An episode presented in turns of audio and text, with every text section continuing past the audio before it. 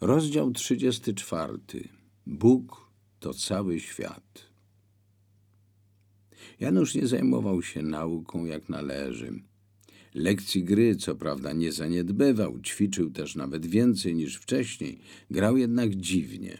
Nie było już fajerwerków, lecz przejmujący smutek. W jego domu tragedia. Ojciec bardzo poważnie zachorował. Nowotwór rósł nieskrępowanie i nie było ratunku. Janusz w tym okresie często wyjeżdżał do domu. Zosia przyjeżdżała do internatu i zabierała go stamtąd. Nie były to łatwe spotkania. Ona jeszcze bardziej zbliżyła się do Boga i częściej chodziła do kościoła. Wcześniej bywała tam nieregularnie, a teraz nawet w dni powszednie. Dużo się modliła i prosiła Boga o pomoc dla męża i całej rodziny.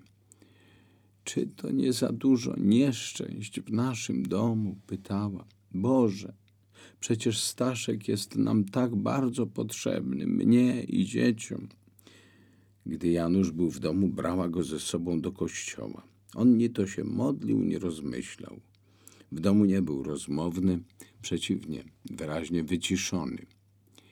Najważniejszym punktem jego dnia były rozmowy z ojcem. Staszek uważał za swój obowiązek przekazać rodzinie jak najwięcej wiedzy i własnych doświadczeń. Starał się nadrabiać czas w sobotnie wieczory i niedzielę, gdy Janusz w dni normalne najczęściej był w internacie. O czym opowiadał? O swojej rodzinie, wojnie i powojennej opozycyjnej działalności, o świecie i polityce panującej u nas komunie. Takiej nie znosił, że nie potrafił docenić nawet jej sukcesów. Krytykował oszustwa i porażki, słusznie, ale gdy władzy coś się udało, nie potrafił tego pochwalić. Trudno się dziwić, jego rodzina pochodziła z Kresów. Ojciec, nauczyciel akademicki, nie mógł obojętnie przyglądać się, jak Sowieci zajmują nasz kraj. Tak, zajmują, a nie wyzwalają. Staszek dobrze to pamiętał. Wielu jego znajomych ucierpiało od Rosjan, podczas gdy jakoś uniknęli cierpień ze strony Niemców. Walczył, ale walka nie była równa i nie trwała długo. Jak się później okazało, zginął w Katyniu i zostało po nim tylko kilka kartek papieru. Inni członkowie rodziny zdołali uciec ze wschodu i znaleźli się w okupowanej Warszawie. On z matką również. Przez kilka lat mogli uważać, że ta ucieczka wyszła im na dobre, ale i to się zmieniło.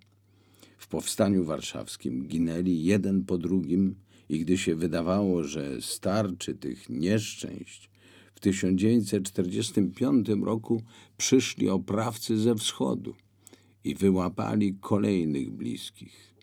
Nie darowali im akowskiej przeszłości. Tak, synku, nie było łatwo. Po roku 1918 wszyscy cieszyli się z odzyskanej niepodległości tak bardzo, że nie zwracali uwagi na wady ówczesnego systemu. Polska była niepodległa, a to najważniejsze. A we wrześniu okazało się, że cieszyliśmy się przesadnie i świętowaliśmy przedwcześnie, a do obrony nie przygotowaliśmy się w należyty sposób. Czasu było za mało, niestety.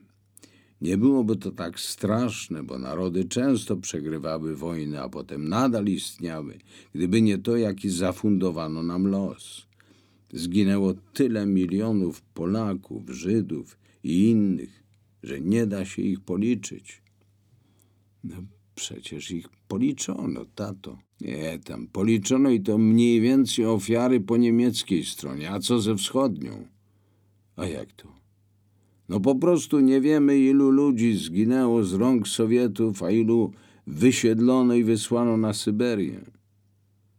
Czy ktoś z naszej rodziny tam zginął?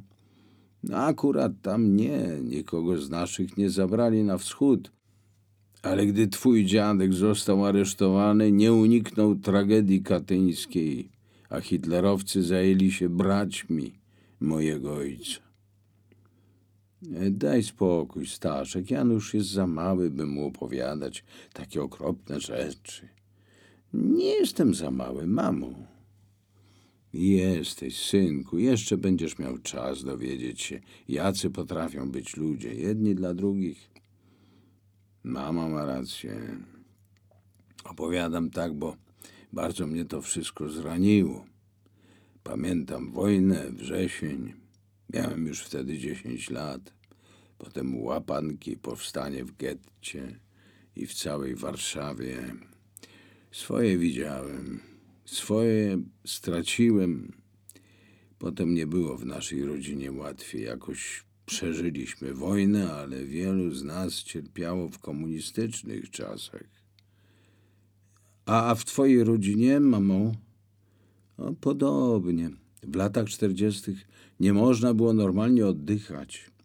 Jak to? Na nic nie pozwalali, gdy działało się w niepodległościowym podziemiu, wyjaśnił ojciec. Takie prowadzili rozmowy. Janusz miał być odpowiedzialnym Polakiem i w niedalekiej przyszłości był. Ojciec go uświadamiał, czym jest faszyzm, komunizm, totalitaryzm, a czym prawa człowieka, wolność, a także religia. Właśnie to było najważniejsze. Bóg, synku, to wszystko, co jest, co mamy. Bóg to cały świat i my. To znaczy ty, mama, Włodek, no i ja. A przecież nie wszyscy wierzą w Boga, stwierdził Janusz. Owszem, ale wszyscy przed nim staną. Czy tego chcą, czy nie. Świat nie mógł powstać sam. Niewierzący myślą, że to tylko jakaś chemia i fizyka, ale i one musiały jakoś powstać. Są takimi samymi elementami świata jak wszystko inne.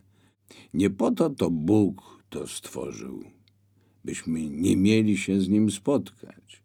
Wyobrażasz sobie, jakie to będzie spotkanie? No nie wiem, tato. Jeszcze się dowiesz. W przyszłości, już w dorosłym życiu, Janusz odgrywał te treści na fortepianowej klawiaturze. Zanim zaczął koncertować i opowiadać dźwiękami o Bogu, wolności i sprawiedliwości, jego ojciec zmarł, a Zosia, Janusz i Włodek zostali sami.